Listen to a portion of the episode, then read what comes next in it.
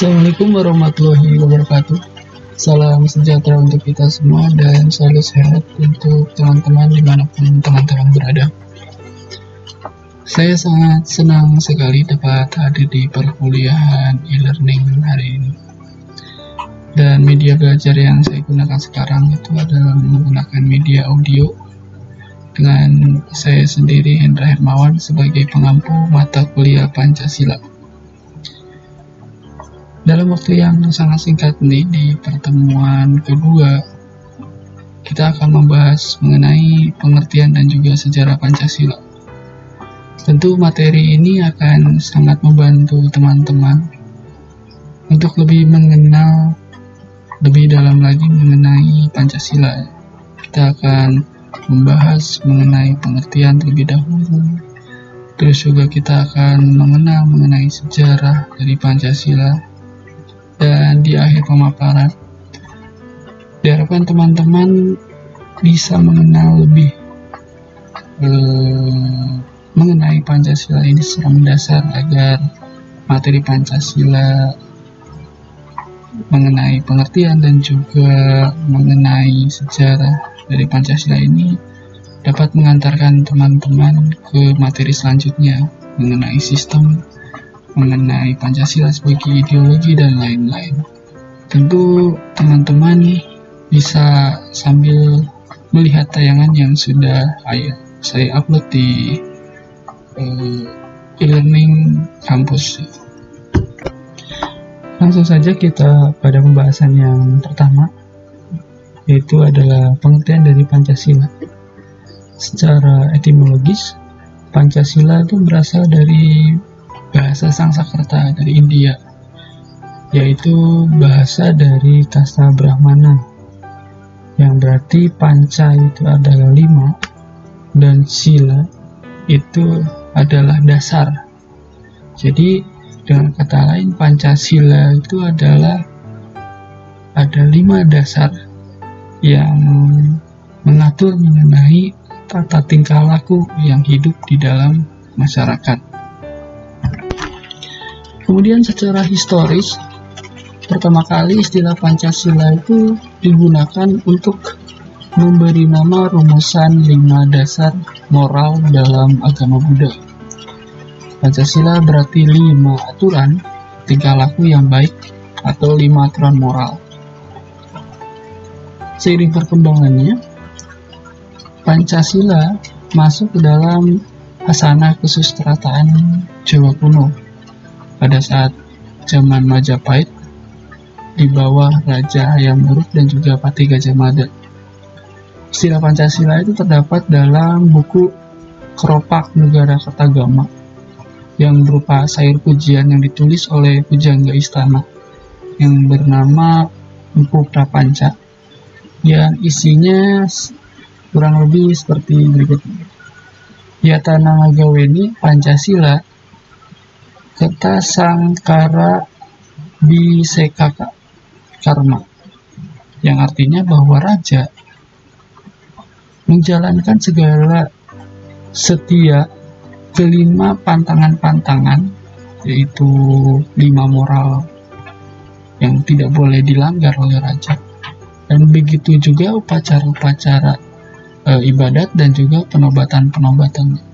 Jadi pada saat itu raja sudah memiliki batasan-batasan moral yang tidak boleh dilanggar oleh raja yang memang sudah dibentuk untuk membatasi e, moralitas dari kehidupan raja pada saat itu. Selanjutnya, selain dalam buku Negara Kertagama dan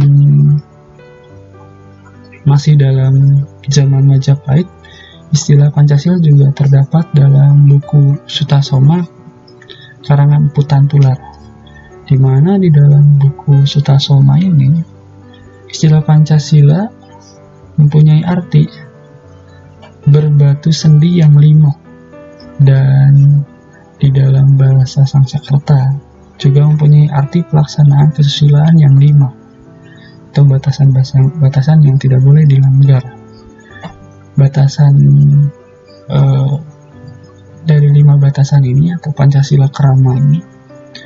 Yang pertama itu tidak boleh melakukan kekerasan. Yang keduanya tidak boleh mencuri. Yang ketiganya tidak boleh berjiwa dengki.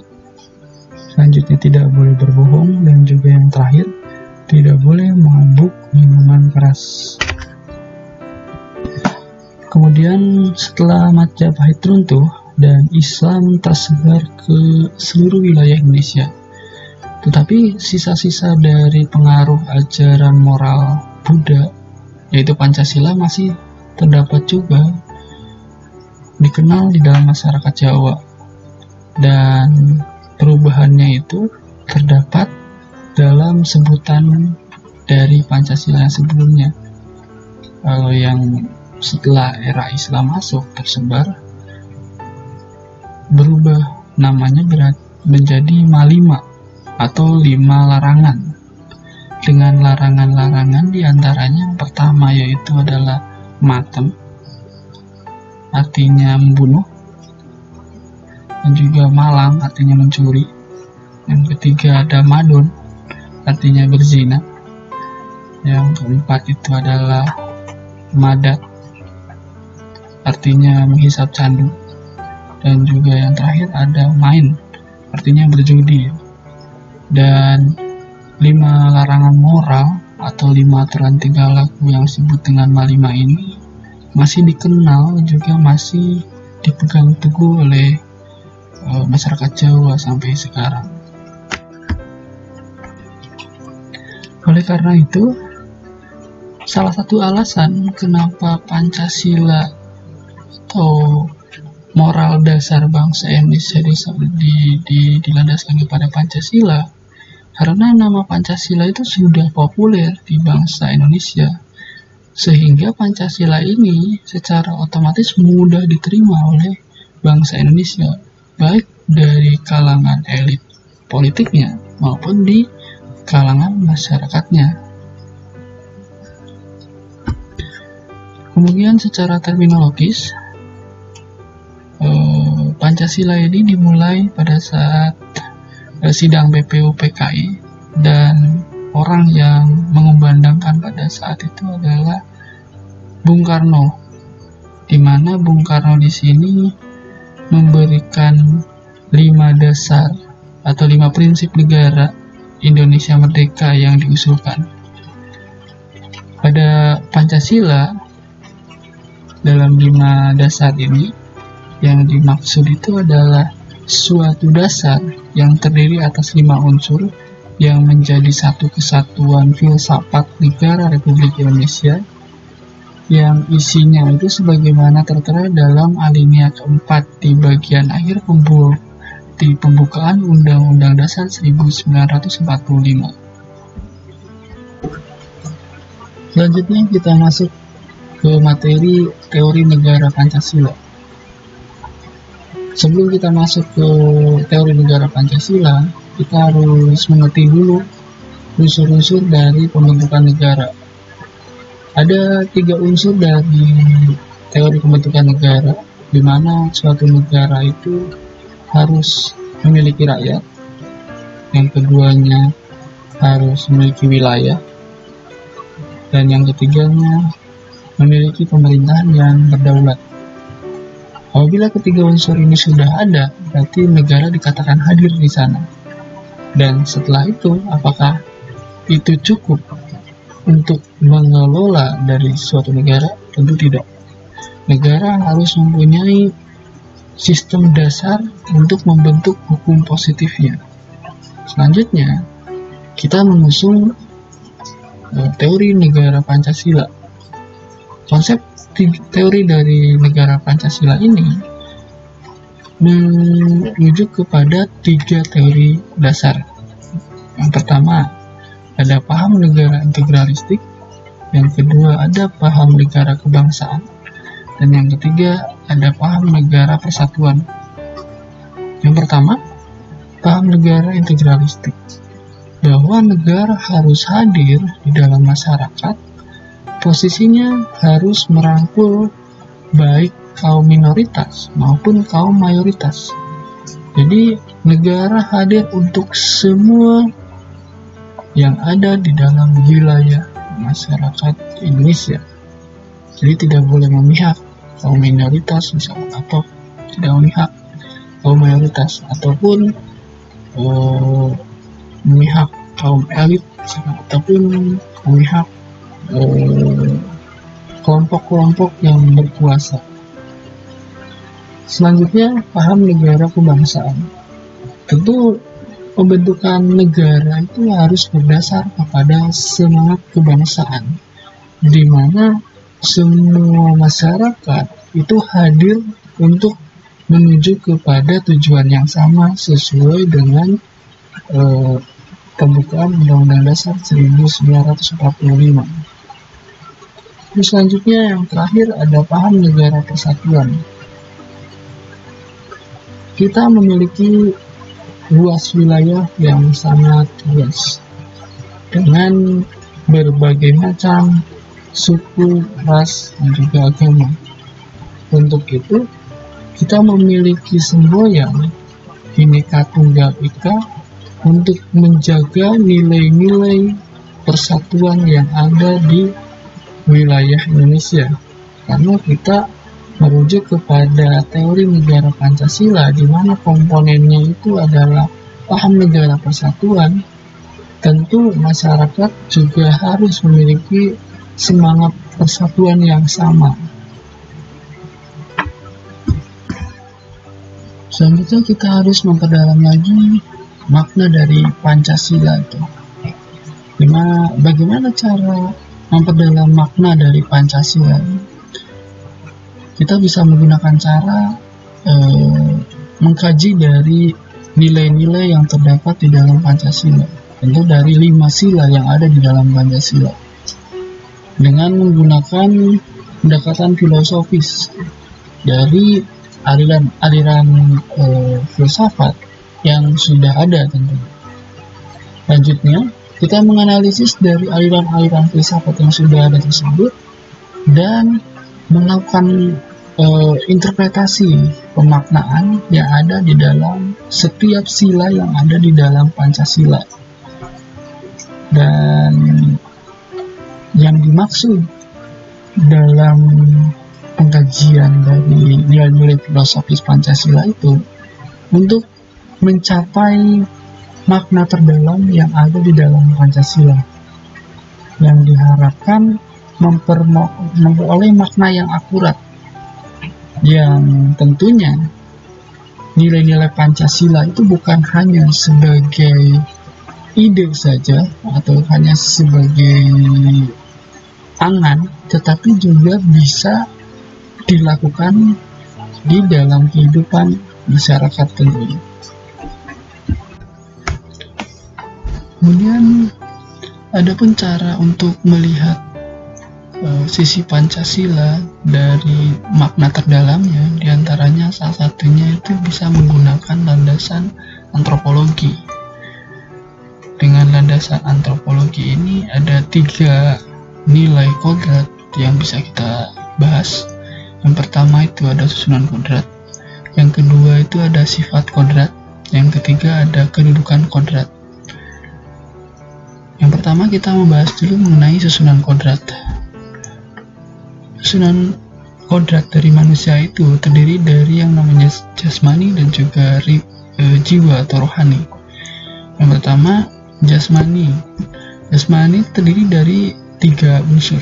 Yang pertama yaitu unsur anorganis atau manusia itu terdiri dari beberapa organ-organ yang memang membentuk suatu satuan yaitu badan kita.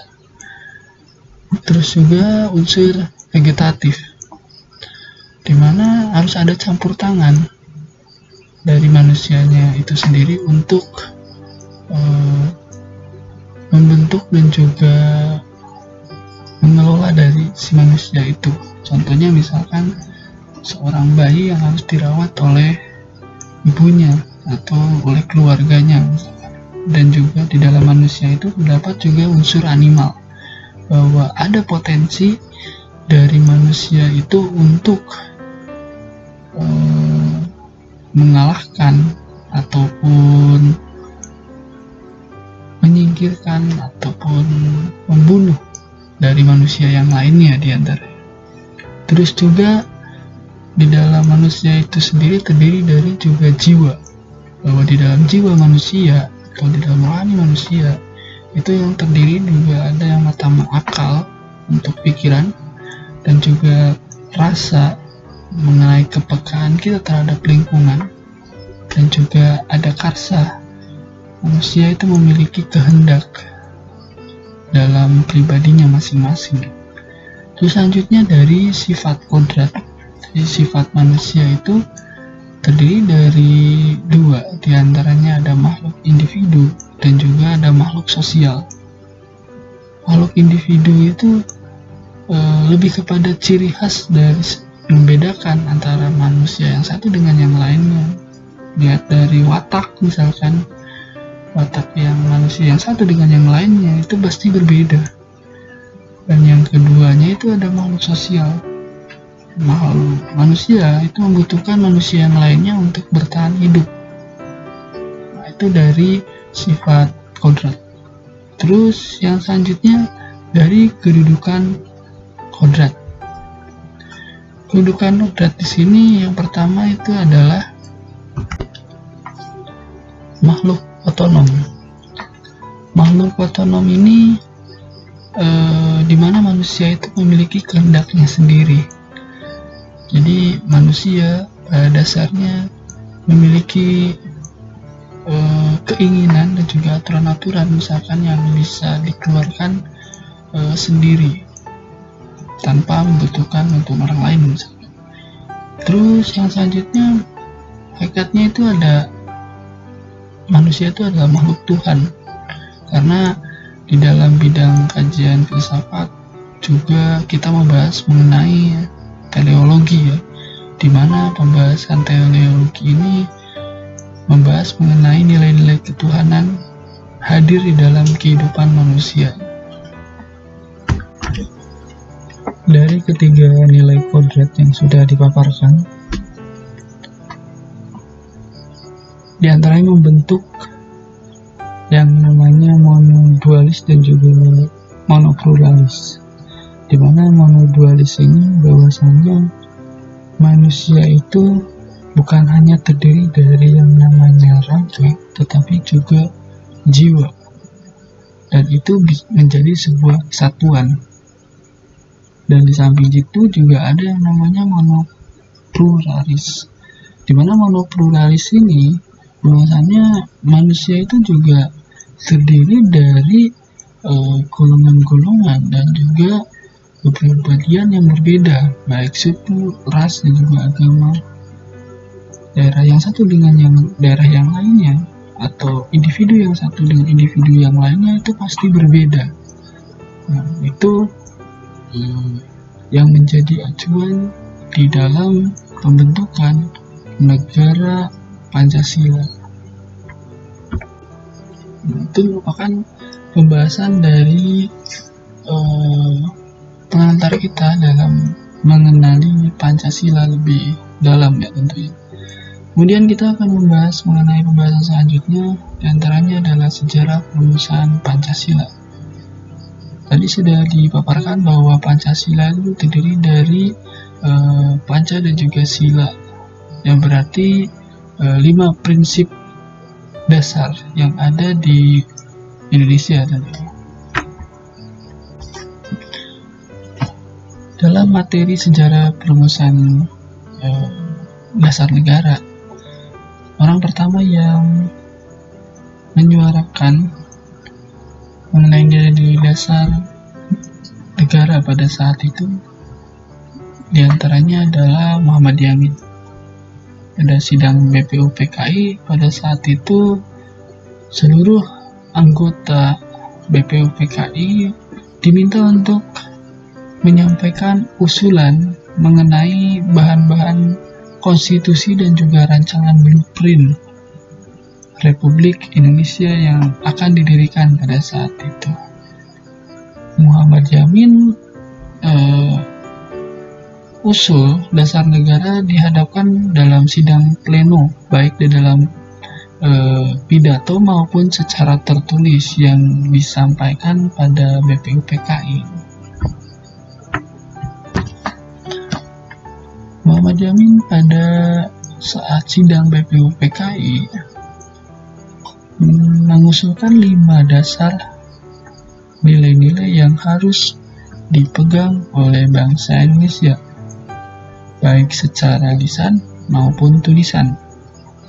Secara lisan, Muhammad Yamin berkumandang pada saat itu mengemukakan lima calon dasar negara. Di antara yang pertama ada pri kebangsaan, pri kemanusiaan, pri ketuhanan, pri kerakyatan, dan juga pri kesejahteraan rakyat.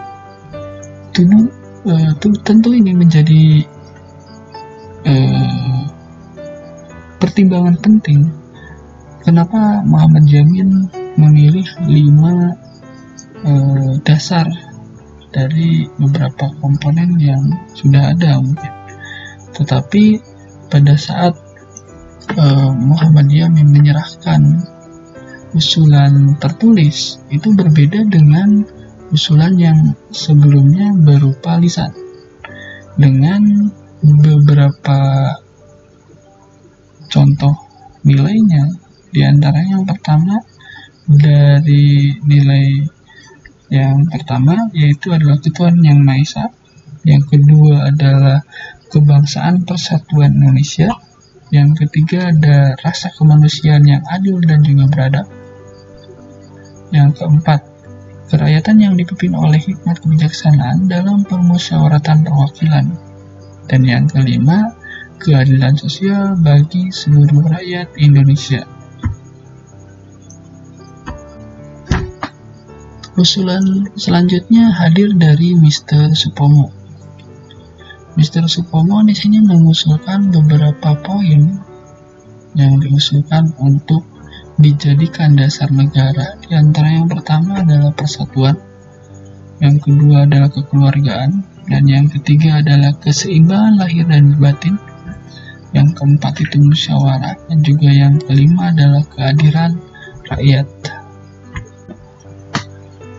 Usulan selanjutnya hadir dari Insinyur Soekarno pada saat sidang BPUPKI menyampaikan usul dasar negara yang kita kenal sebagai hari lahir Pancasila sampai sekarang. Dan usulan Insinyur Soekarno ini tidak hanya uh, satu, tetapi juga tiga, tiga buah usulan calon dasar dari eh, nilai-nilai uh, dasar bangsa Indonesia. Yang pertama itu ada lima prinsip, ada tiga prinsip dan juga satu prinsip.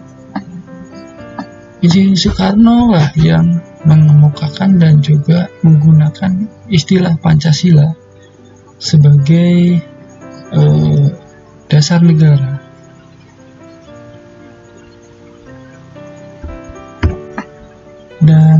Rumusan dari Pancasila tersebut juga atas saran dari ahli bahasa yaitu Muhammad Yamin yang duduk di sebelahnya Insinyur Soekarno pada saat itu.